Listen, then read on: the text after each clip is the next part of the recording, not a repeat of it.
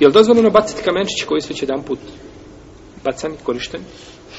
Znači ideš, kada idete sada, kako je lijepo ono napravljeno, znači, bilo da idete donjim spratim ili prvim ili drugim, nije bitno, ovaj, imate jako puno kamenčića, znači po zemlji. Znači ne bi niko morao kupiti kamenčića. Da li se može to, ti kamenčići, da li se mogu po drugi put bacati?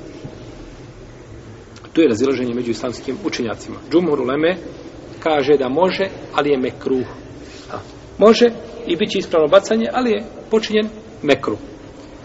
Počinjen je mekru. Dok kaže Ibnu Hazm dozvoljeno je i to nema mekruha. I to je odabrao Ebu Hanife.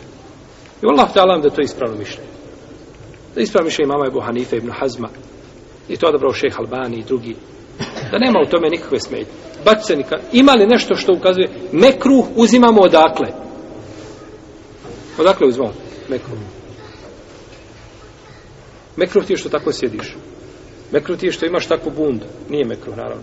Sjedni kako želiš. Mekruh da govorimo bez čega? Bez argumenta je problematično.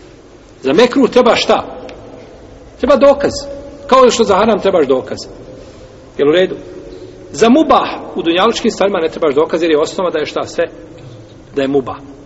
Ali za sunnet trebaš dokaz, za, za fars trebaš dokaz. Za mekru mora biti argument. Gdje je argument da je bacanje tih kamenčića ovaj?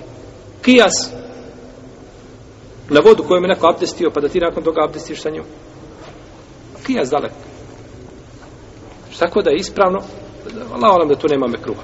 Ali izlazeći iz razilaženja među islamskim učenjacima, bolje je šta da se koriste kamenčići koji nisu prethodno korišteni. Jer u redu.